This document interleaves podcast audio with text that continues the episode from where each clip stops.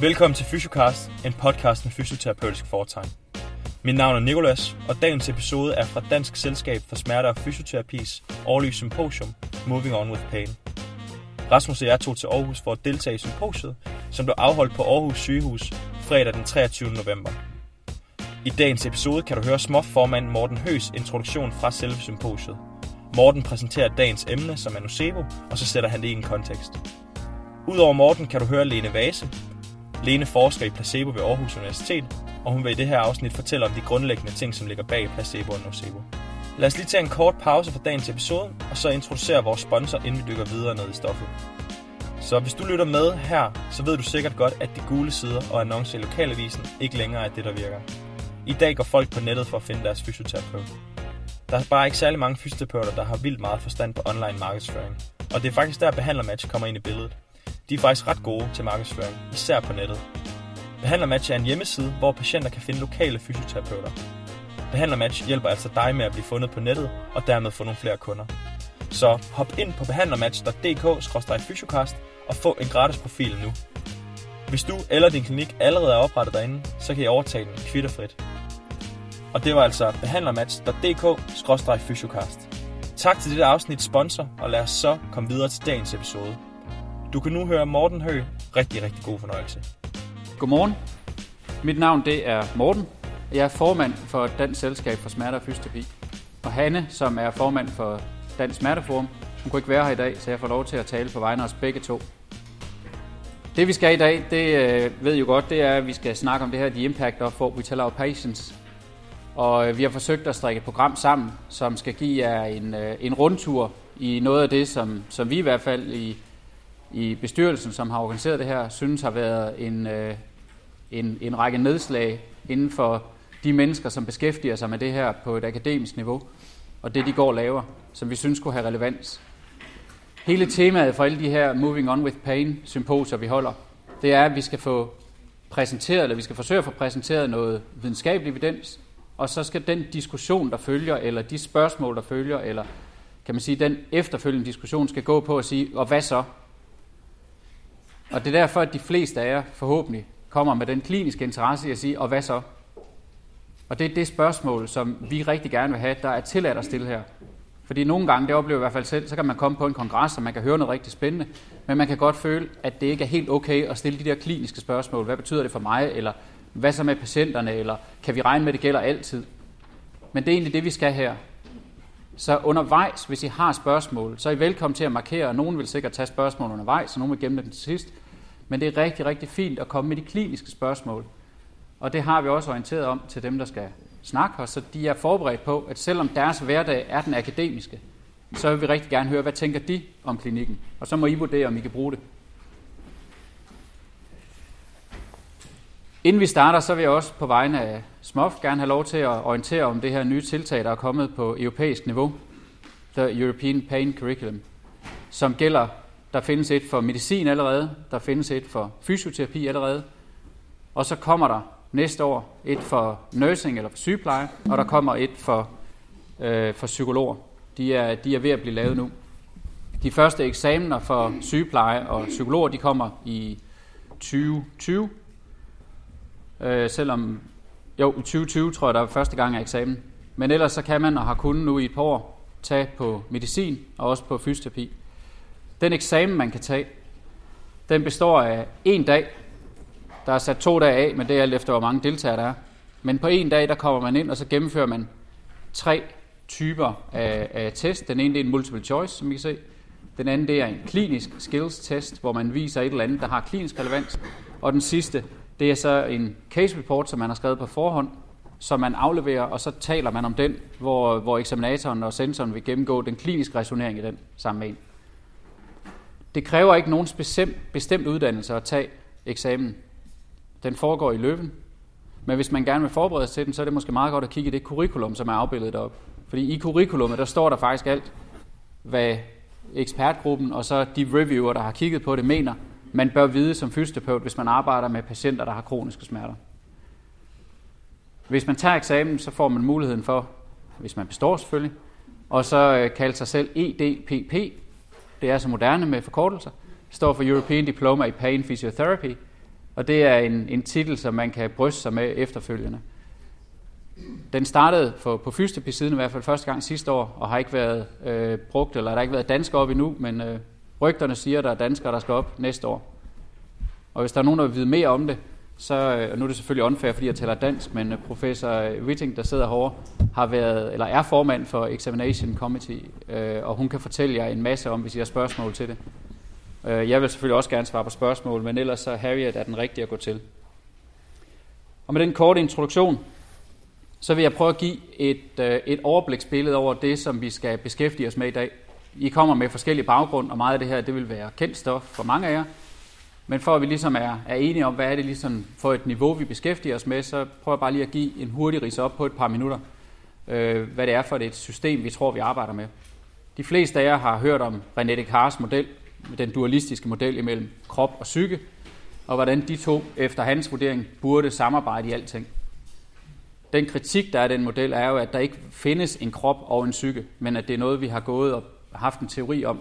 Men selvom man har haft den teori i 300 år, så er det aldrig nogensinde hverken blevet bevist, og der er rigtig god grund til at tro, at det ikke kan bevises, fordi det er usandt. Så i stedet for at tænke, at der er en krop og en psyke, så arbejder man meget med mange andre modeller.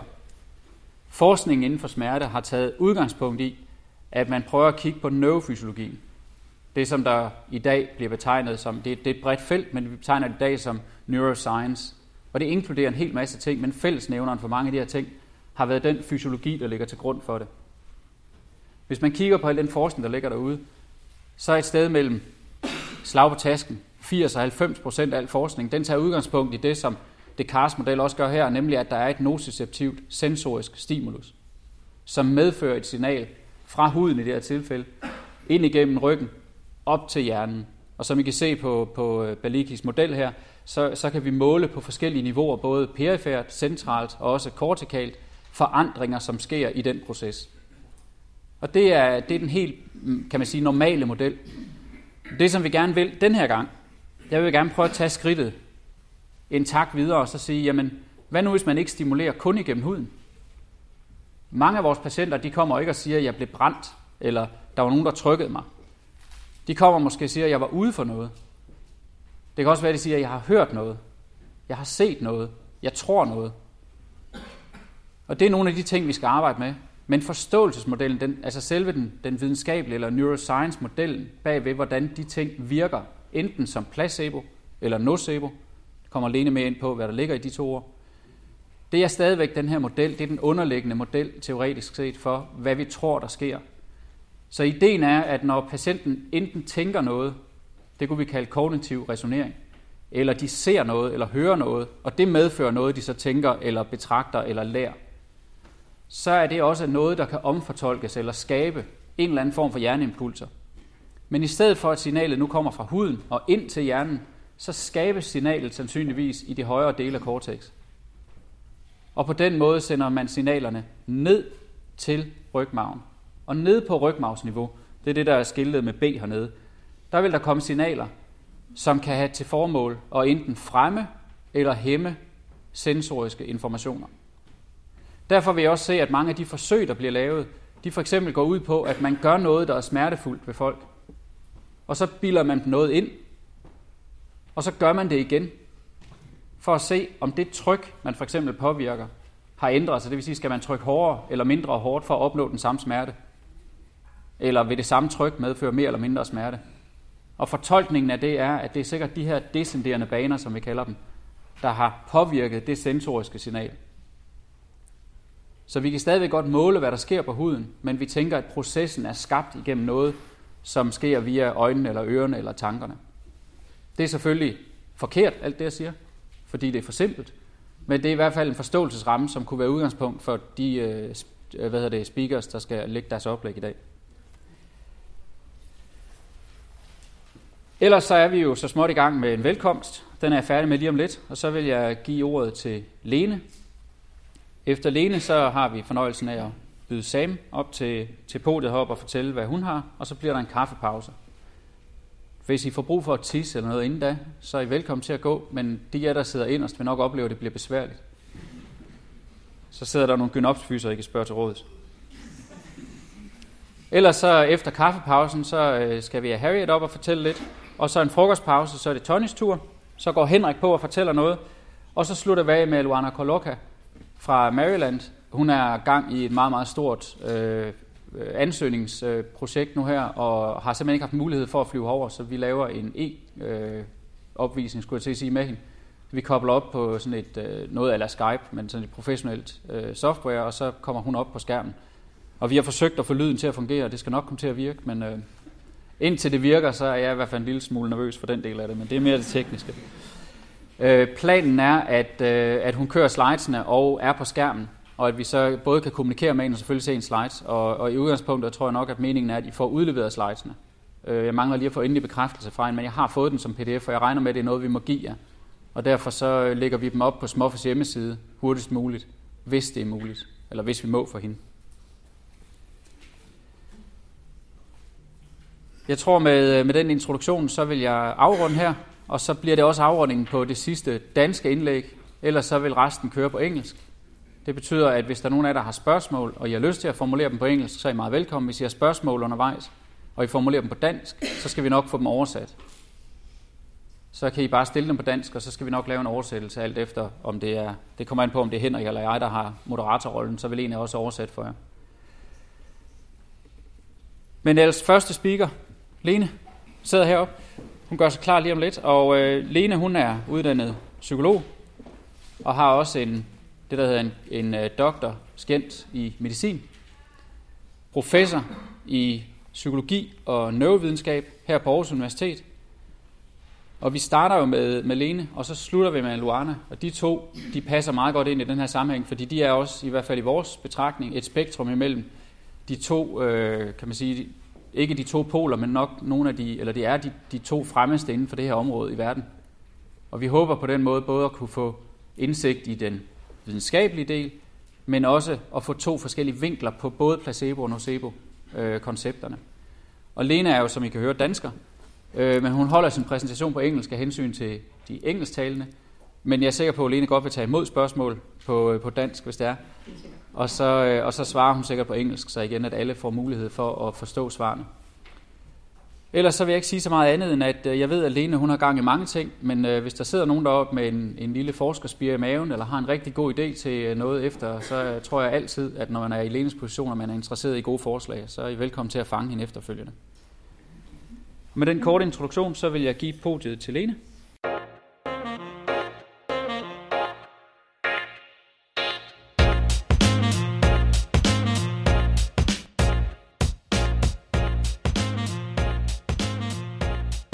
Hej og velkommen til, Lene. Tak. Vil du ikke øh, starte med at præsentere dig selv? Jo, jeg hedder Lene, og jeg er uddannet psykolog og har en doktorafhandling i medicin, og jeg har forsket i placeboeffekter de sidste 18 år efterhånden. Og jeg er på nuværende tidspunkt professor i neurovidenskabelig psykologi på Psykologisk Institut. Mm. Du er her i dag, fordi du har fortalt om øh, placebo og nocebo. Ja. Vil du ikke starte med at give en, øh, en lille introduktion til vores lyttere omkring de her to begreber? Jo, man kan sige sådan helt forenklet sagt, så er placebo det forhold, at man får en pille eller saltvandsindsprøjtning eller en anden form for behandling i den tro, at det er en aktiv behandling, og øh, man danner sig nogle positive forventninger til, at nu kommer det til at blive bedre, og så efterfølgende ser man faktisk, at man får det bedre på grund af de her forventninger og overbevisninger om, at det her det er en øh, aktiv behandling. Og når man så ligesom går ind og undersøger placeboeffekter, så går man altid meget ud af at sige, at den effekt den skal kontrolleres for, hvordan var det ellers gået for. Ja. Og så kan man sige, at nocebo-effekter, det er lidt det modsatte. Altså hvor placebo, det handler om, at man får det bedre og får en bedre effekt, fordi man tænker, nu får man en god behandling. Så er nocebo der, hvor man tænker, ah, det her det kommer ikke til at virke, og den her behandling tror jeg ikke på, der kommer til at være en hjælp for mig. Og så mm. det her negative tankesæt og følelser, de bidrager til, at øh, man får en forværret effekt. Okay. Kan du prøve at sætte nogle ord på, hvorfor, hvorfor er det her vigtigt for klinikere at vide noget om? Det er fordi, at vi får flere og flere studier, der viser, at de øh, interventioner, vi laver, de fungerer ikke i et vakuum. Altså, man kan give aktiv, veldokumenteret medicin, men hvis folk får den i en setting af, at det her, det tror de ikke på, der kommer til at virke, så kan vi desværre se på både hjerneskældingsstudier og adfærdsstudier, at det i sig selv kan blokere effekten. Så hvis man vil have en optimal behandlingseffekt, så handler det om, at folks forventninger og følelser og deres egne sådan endogene neurotransmittersystemer, at de arbejder med en god behandlingseffekt, i stedet for at arbejde mod det betyder det så, sat på spidsen, at vi kan have en intervention, der ikke viser effekt ud over placeboeffekt, men at vi godt kan bruge den, hvis patientens præferencer passer til det? Altså det er jo sådan noget, man diskuterer. Det er jo lidt højere grad på en eller anden måde et etisk spørgsmål. Altså der er jo en lang række behandlinger, vi giver i dag, som vi reelt set ikke ved, om de har en effekt ud over placebo. Det er sådan, at farmakologiske behandlinger, de skal testes op mod en placebo. Mm. Men alle mulige ikke-farmakologiske behandlinger, som for eksempel psykologiske interventioner, akupunktur, neurostimulering og øh, operationer, de behøver ikke at blive testet op imod en placebo. Og nogle gange, når vi går ind og tester de her behandlinger op imod en placebo, så viser det sig faktisk, at de ikke har en effekt ud over en placebo.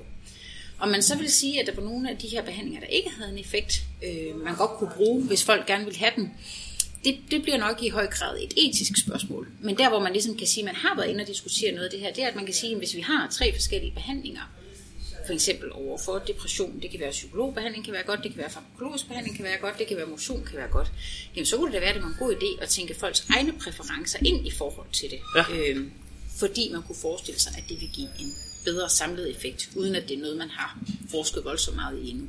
Mm. Ved vi noget om, hvorfor at placebo og nocebo findes? Kan vi sige noget om mekanismerne bag?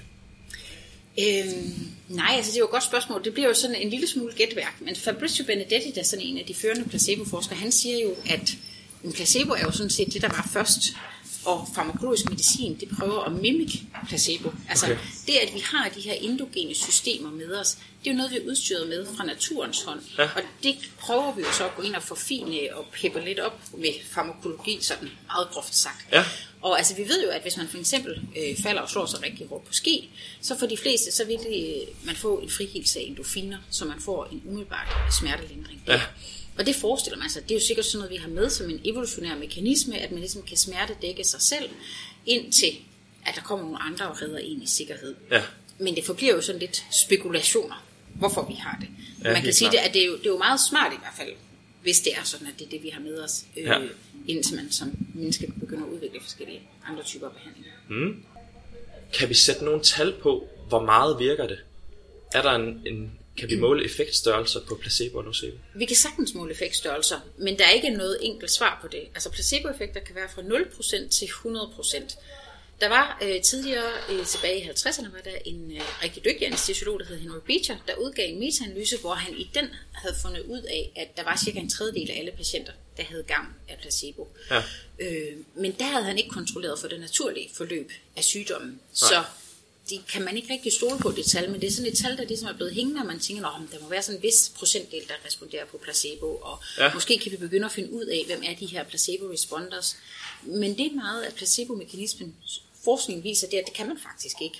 Altså vi kan se, at den samme person kan reagere godt på en type placebo, og så kan de slet ikke reagere på en anden type placebo. Og nogle gange kræver det ikke andet, end at man ændrer navnet på den placebobehandling, man giver. Så der er ikke noget, der tyder på, at det er sådan et stabilt træk, at nogle folk har, at de er gode til at respondere på placebo, og andre kan slet ikke. Der kan selvfølgelig godt være nogen, der måske har sådan lidt øget hyppighed, eller nemmere vil øh, ja. kunne det, men det er ikke, der er ikke evidens for, at det er et træk som sådan. Man har lavet tonsvis af undersøgelser, fordi man har ligesom tænkt, at det må være folk, der er nemmere nej, eller kvinder, eller folk med lav IQ, ja. og, øh, og det har vi ikke fundet nogle konsistente resultater omkring. Det er okay. enkelte indikationer på, at folks øh, genotyper måske kan influere det lidt, sådan at hvis man har en høj øh, grad af tilgængelighed af for eksempel det dopaminære øh, system, så kan det gøre det lettere at opnå nogle placeboeffekter. Men det ser ud til at være meget variabelt, netop fordi det er det, der, noget, der sker i mødet med behandleren, og de ja. forventninger, der opstår der. Og der kan man jo sagtens forestille sig, at man kan have et møde med en behandler, der er god, og man kan danse have en god relation, og der er ja. gode forventninger til netop den behandling, man står overfor. Men så hvis man møder en anden behandler, og man ikke rigtig har lyst til den behandling, han foreslår, jamen, så kan det se helt anderledes ud. Ja, helt klart. Kan vi sige noget om, om sådan, hvad kan sige, grupperinger og interventioner kan udløse en større effekt i en retning? Kunne det fx være, at er operationer, operationsplacebo, er den effekt større end at få, øh, hvad kunne det være, ultralyd, eller sådan et eller andet for eksempel? Altså, der er i hvert fald studier, der tyder på, at jo mere invasiv en behandling man har, ja. jo større en placebo-effekt får man gennemsnitligt set. Okay. Sådan at man vil have større placebo-effekter ved saltvandsindsprøjtninger end ved kalktabletter, og igen ved sådan snydeoperationer vil man have større ja. effekter end ved saltvandsindsprøjtninger. Okay. Kan vi snakke lidt om, hvilke variabler, der ligesom har en effekt i mødet med patienten? Er der noget, man, man især skal være opmærksom på som kliniker? I forhold til at, en, en lille guide til at optimere placebo, så at sige. Ja, altså vi ved jo noget, men det er jo ikke sådan en til en, at vi bare kan tage det, vi har lavet i eksperimentelle studier, og direkte overføre for klinisk praksis. Nej. Men hvis vi alligevel prøver at gøre det, så kan man sige, at noget af det, det ser ud til, det er en god relation. Mm. afgørende, at det er, at patienter de føler sig hørt øh, og føler sig forstået, øh, og derudover får mulighed for ligesom at danne nogle realistiske forventninger til, at den her behandling, den vil kunne komme til at hjælpe det, så man ligesom får dem i en mindset af, at de får den her, ja, det kan nok godt komme til at virke. Ja. Øhm, men det handler meget om at få dem selv til at arbejde med. Man har Ja. lavet sådan nogle studier, hvor man har sagt til folk, det her det virker helt sikkert. Og det, det virker meget mindre, end hvis man siger, ja, det tror vi, det kunne godt være, det kunne virke. Kan du mærke, virker det for dig, gør det ikke? Altså det ja. handler ligesom om i høj grad at få patienterne engageret i selv at få aktiveret nogle af de her nedadgående hæmmende systemer. Hvad så den anden vej rundt? Er der nogen, kan man sige noget om, hvad man skal lade være med? Altså man kan i hvert fald sige, at meget af den her forskning har ligesom været grundstenen til, at man fra kraftens bekæmpelse øh, prøvede at indføre det her system med, at man skulle have en behandlingsansvarlig læge. Ja. Fordi man kan sige, at i det øjeblik, hvor patienter de bliver utrygge og bange og nervøse, at der er der øget sandsynlighed for, at de kan komme til at aktivere nogle af de her nocebo-effekter. Og det er jo noget af det, sådan, når man er rundt og snakker med kræftpatienter, at de siger til dem, at så kommer man ind til en læge, og han har ikke engang haft tid til at læse en journal, og så siger han et eller andet andet, og så bliver de meget nervøse, og så ringer de rundt til deres egen læge, eller til vagtlægen, øh, og den der ligesom usikkerhed, at den kan gøre rigtig meget skidt. Ja. Så det handler meget om at være i en god relation, at have den der fornemmelse af, at der er en, der kender en, der er en, der har styr på ens behandlingsforløb. Mm. Øh, det er i hvert fald det, det ser ud til på nuværende tidspunkt. Er det på tværs af professioner? Altså, det har vi ikke data til at bakke sådan Okay. op, når du stiller spørgsmålet lige præcis sådan der, men. Nej. det ser det ud til. Der har været sådan et tidspunkt i nogle gamle studier, der viste, at sådan ældre, distinguerede overlæger havde større placeboeffekter end unge sygeplejersker. Ja. Men det har man ikke kunne genfinde i Nå. nyere studier. Okay. Og hvis man kigger sådan lidt på tværs af forskellige professioner, så er der sådan en tendens til, at alle professioner tænker, at det de gør, det er rigtigt, og det er veldokumenteret, og det andre de gør, det, det altså placeboeffekter findes nok, men det, det er over i de andre professioner. Ja. Men hvis vi kigger sådan på tværs af farmakologisk behandling, akupunktur, psykologisk intervention, neurostimulering og operationer, så kan vi se, at der er placeboeffekter over hele feltet. Okay. Så der er ikke sådan noget, der giver anledning til at tænke, at, at det er kun inden for en profession og ikke Nej. andre. Okay. Sådan, når, jeg snakker med, med folk, der ikke har noget med, med, med sundhedsprofessioner at gøre, så hører jeg tit, at placebo er noget, noget dårligt. Mm, ja. Deler du det, den, øh, det synspunkt?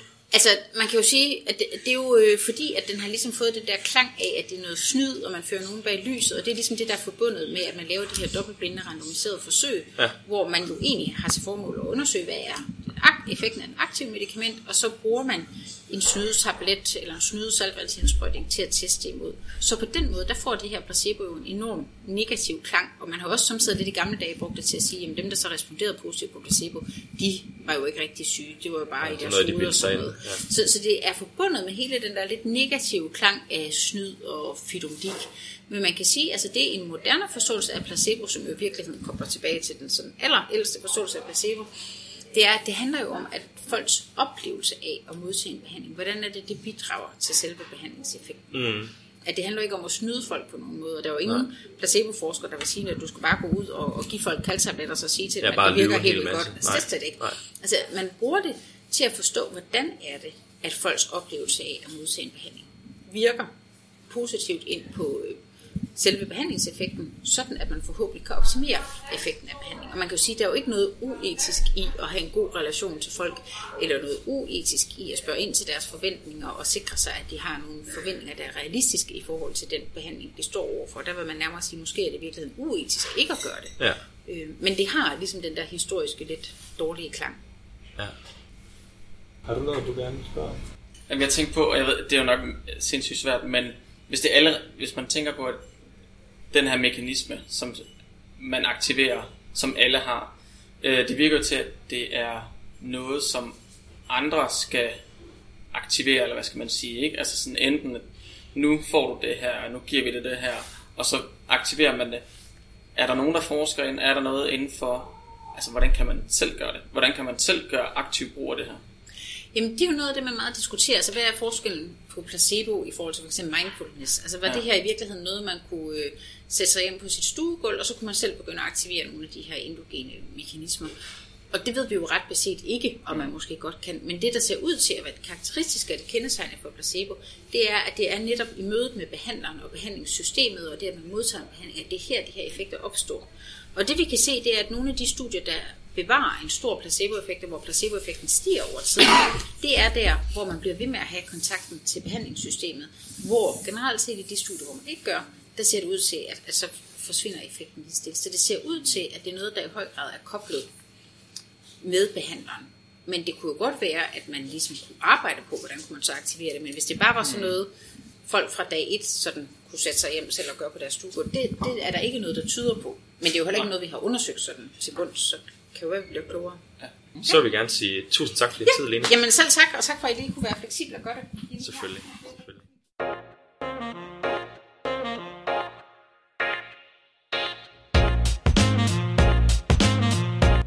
Næste gang du hører fra os, bliver det med Tony Elmose Andersen. Tony er psykolog og giver dig nogle gode råd til, hvordan du kan optimere kommunikationen med dine patienter eller borgere. I mellemtiden vil vi rigtig gerne høre fra dig, hvis du har forslag til nye episoder eller emner. Dette afsnit af Fysiocast var sponsoreret af Behandlermatch. Behandlermatch er stedet på nettet, hvor patienter finder deres fysioterapeut. Behandlermatch er med andre ord din chance for at blive fundet på nettet og få flere nye kunder. Så kan du nå dine økonomiske mål. Så hvis du er fysioterapeut og gerne vil tjene nogle flere penge, så kan du gøre dig selv en tjeneste og hoppe ind på behandlermatch.dk-fysiocast med det samme. Hvis du har lyst til at støtte Fysiocast, så gå ind på vores hjemmeside fysiocast.com. Her kan du trykke Støt Fysiocast op i menuen, og så kan du støtte os med et fast beløb, hver gang vi udgiver en episode. Tusind tak, fordi du lyttede med til dagens episode. Vi lyttes ved.